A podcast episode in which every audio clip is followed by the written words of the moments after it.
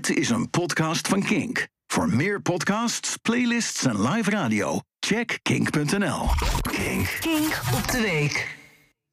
Donderdag 27 april is een feestdag. De vlaggen gaan uit, een straat vol blije gezichten, overal dansende mensen. De dag die je wist dat ging komen? Koningsdag? Nee, natuurlijk niet.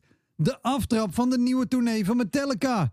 De W van Willem drie vingers in de lucht. Ik dacht het niet. De M van Metallica en twee hoorntjes in de lucht. Yeah!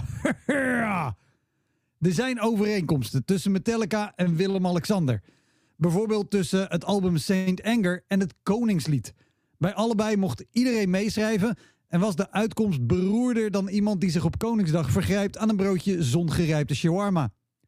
De koning van Nederland en de koningen van de metal nemen allebei soms domme beslissingen en denken dan, ah joh, dat zullen de mensen wel pikken. Wim Lex vond het een goed idee om midden in de coronacrisis op vakantie te gaan, terwijl iedereen verplicht thuis zat. En dan heb je je huis misschien ooit wel omschreven als een paleisje. Het wringt toch. De term sowieso paleisje. Als jij alles aan je huis zelf betaald hebt, is het geen paleisje. Als er geen administratieve constructie is opgezet om te verhullen welk ministerie opdraait voor de kosten van het onderhoud van jouw huis, is het geen paleisje. En het is zeker geen paleisje als er geen la is met erin een zoekgeraakt BVD-dossier met een sticker Opa Benno's kleine geheimpje. Bij de Middellandse Veiligheidsdienst zijn ze precies dat dossier kwijt, waarin hele gevoelige informatie staat over de mogelijke rol van Bernard als spion voor de nazi's. Echt, wat een pech.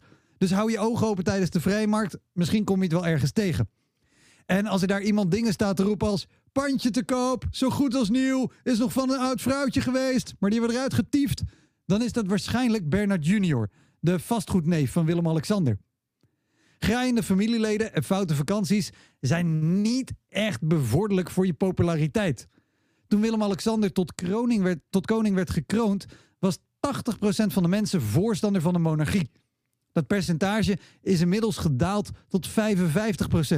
Sorry Willem, maar het is sad but true.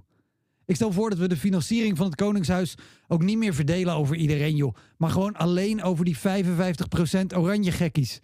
Het Koningshuis is een soort hamster. Je mag hem hebben, maar dan moet je er zelf voor zorgen. Terug naar Metallica en hun rare plannen, waarvan ze denken: ah, dat pikt het publiek vast wel.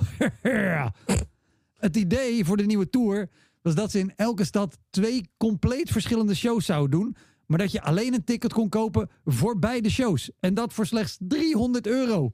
Dat was wel een beetje dom. 300 euro. Dat is een bedrag waar Willem-Alexander 25 minuten voor moet werken. Bij, bij wijze van spreken. Hij, hij krijgt dat geld sowieso. Waarschijnlijk liep de metellen kaartverkoop niet zo heel hard. Want inmiddels zijn die concerten losgekoppeld en kan je zelfs nu nog losse tickets kopen. En of je volgende week in de arena Willem en Maxima gaat zien headbangen? Geld zat. Maar qua muzieksmaak zijn ze niet echt voor de M van Metallica, maar meer de T van toppers, twee vingers in je oren. Het nieuwe album van Metallica heet 72 Seasons, 72 seizoenen. Dat is 18 jaar. Willem-Alexander zit nu 10 jaar op de troon.